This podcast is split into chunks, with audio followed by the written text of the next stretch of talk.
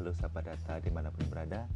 Berjumpa lagi dengan saya Hendra Eka dalam acara podcast Kicau Kenari dari BPS Kota Blitar. Apa kabar sahabat data? Semoga dalam keadaan sehat dan tetap semangat ya.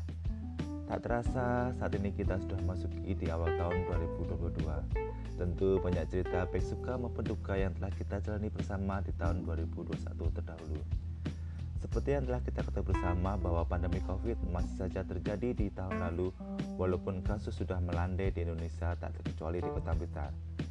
Cakupan vaksinasi yang sudah semakin tinggi dan herd immunity yang sudah mulai terbentuk mengakibatkan melandainya kasus yang terkonfirmasi.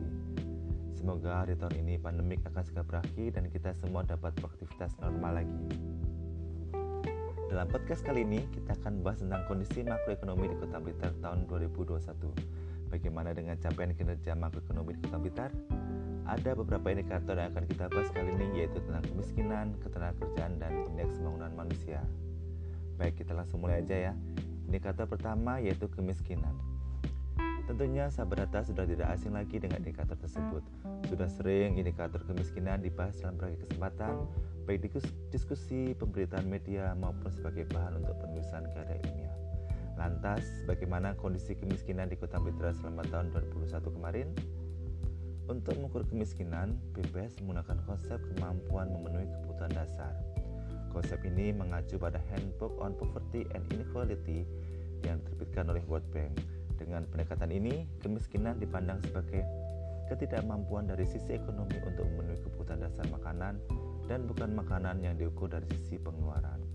Penduduk dikategorikan sebagai penduduk miskin jika memiliki rata-rata pengeluaran per kapita per bulan di bawah garis kemiskinan.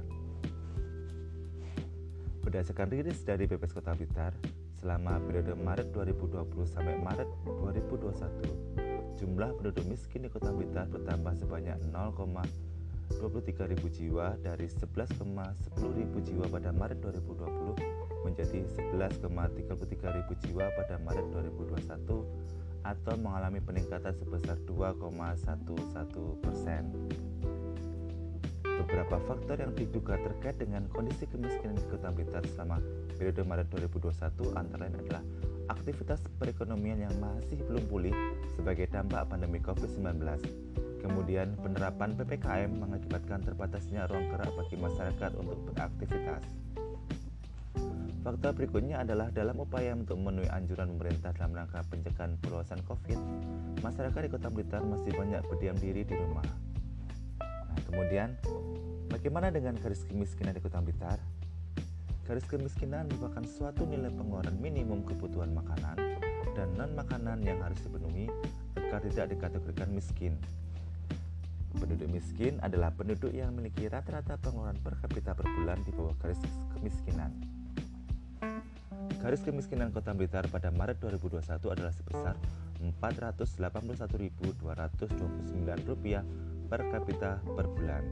Apabila dibandingkan dengan Maret 2020, maka garis kemiskinan bertambah sebesar Rp15.361 per kapita per bulan. Garis kemiskinan per rumah tangga adalah gambaran besarnya nilai rata-rata rupiah minimum yang harus dikeluarkan oleh rumah tangga untuk memenuhi kebutuhannya agar tidak dikategorikan miskin.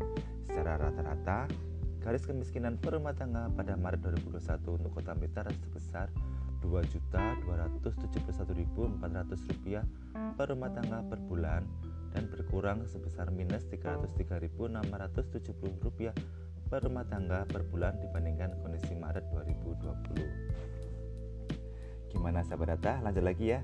Semoga sahabat data masih tetap semangat untuk menyimak podcast kali ini. Indikator berikutnya adalah tentang ketenagakerjaan. Indikator ini tidak kalah menarik selain kemiskinan. Tentu di sini sahabat data banyak bertanya-tanya bagaimana kondisi ketenagakerjaan di Kota Blitar selama masa pandemi ini. Apakah semakin banyak yang bekerja ataukah malah semakin banyak pengangguran terjadi?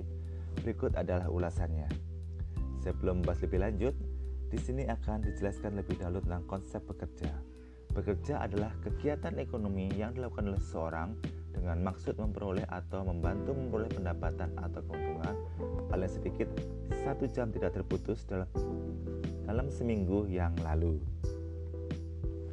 Kegiatan tersebut termasuk pola kegiatan pekerja yang tak dibayar yang membantu dalam suatu usaha atau kegiatan ekonomi. Kemudian, penduduk usia kerja adalah penduduk berumur 15 tahun dan lebih. Penduduk yang termasuk angkatan kerja adalah penduduk usia kerja yang bekerja atau punya pekerjaan namun sementara tidak bekerja dan pengangguran. Berdasarkan rilis dari BPS Kota Blitar, penduduk usia kerja mengalami tren yang cenderung meningkat seiring bertambahnya jumlah penduduk.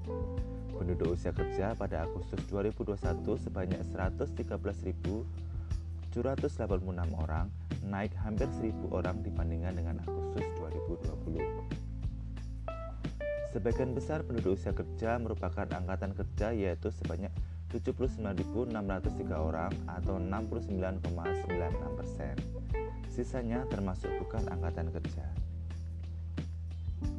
Komposisi angkatan kerja Kota Blitar terdiri dari 74.339 orang penduduk yang bekerja dan 5.264 orang pengangguran. Dibandingkan dengan Agustus 2020, terjadi peningkatan jumlah angkatan kerja sebanyak 1.158 orang. Sejalan dengan jumlah angkatan kerja, Tingkat partisipasi angkatan kerja atau TPAK juga memiliki pola yang sama. TPAK adalah persentase banyaknya angkatan kerja terhadap banyaknya penduduk usia kerja. TPAK mengindikasikan besarnya persentase penduduk usia kerja yang aktif secara ekonomi di suatu negara atau wilayah. TPAK Kota Blitar pada Agustus 2021 sebesar 69,96 persen naik sebesar 0,43 persen poin dibandingkan Agustus 2020. Namun jika dibandingkan dengan tahun 2019 terjadi penurunan sebesar 2,19 persen poin. Tingkat pengangguran terbuka atau TPT merupakan indikator yang digunakan untuk mengukur tenaga kerja yang tidak terserap oleh pasar kerja dan menggambarkan kurang termanfaatkannya pasokan tenaga kerja. TPT hasil Sakernas Agustus 2021 sebesar 6,61 persen. Hal ini berarti dari 100 orang angkatan kerja terdapat sekitar 6 orang penganggur. Indikator terakhir yang kita bahas kali ini adalah tentang kualitas pembangunan manusia. Pembangunan manusia merupakan hal yang penting khususnya di daerah yang sedang berkembang seperti Kota Blitar. Hal ini disebabkan karena banyak di daerah yang berkembang dengan tingkat pertumbuhan yang cukup tinggi namun masih gagal dalam menghadapi masalah kesenjangan sosial dan kemiskinan yang cukup tinggi. Indeks Pembangunan Manusia atau IPM menjelaskan bagaimana penduduk dapat mengakses hasil pembangunan dalam berpendapatan, kesehatan, pendidikan, dan sebagainya. IPM dibentuk oleh tiga dimensi dasar yaitu umur panjang dan hidup sehat, pengetahuan dan standar hidup layak atau Decent Standard of Living. Berdasarkan rilis yang dilakukan oleh BPS, pembangunan manusia di Kota Blitar terus mengalami peningkatan. Pemulihan sosial ekonomi di tengah pandemi COVID membawa pengaruh terhadap pembangunan manusia di Kota Blitar. Pada tahun 2021, indeks pembangunan manusia Kota Blitar mencapai 78,98. Angka ini meningkat sebesar 0,41 poin dibandingkan tahun 2020 sebesar 78,57 dan berdasarkan penggolongannya angka IPM Kota Blitar tergolong tinggi pada dimensi umur panjang dan hidup sehat bayi yang lahir pada tahun 2021 memiliki harapan hidup untuk dapat hidup hingga 73,86 tahun lebih lama 0,11 tahun dibandingkan dengan mereka yang lahir pada tahun sebelumnya. Kemudian pada dimensi pengetahuan, untuk indikator harapan lama sekolah atau LS pada tahun 2021 tercatat sebesar 14,33 lebih tinggi 0,01 tahun dibandingkan dengan tahun sebelumnya yaitu 14,32. Sedangkan indikator pendidikan lainnya yaitu rata-rata lama sekolah pada tahun 2021 mencapai 10,35 lebih tinggi 0,24 tahun dibandingkan dengan tahun lalu. Pada dimensi standar hidup layak pada tahun 2021 mencapai 13.816.000 rupiah atau meningkat 0,6 persen dibandingkan tahun sebelumnya yang tercatat sebesar 13.733.000 per tahun. Nah, sahabat data, demikian podcast kali ini. Bagi sahabat data yang ingin mendapatkan penjelasan lebih lanjut, bisa menghubungi di layanan informasi di 081249 226969 atau dapat mengunjungi website di blitarkota.bps.go.id. Saya Hendra mohon maaf jika ada yang kurang berkenan. Terima kasih atas atensi sahabat data. Sampai jumpa di episode Kicau Kenari berikutnya. Terima kasih dan wassalamualaikum warahmatullahi wabarakatuh.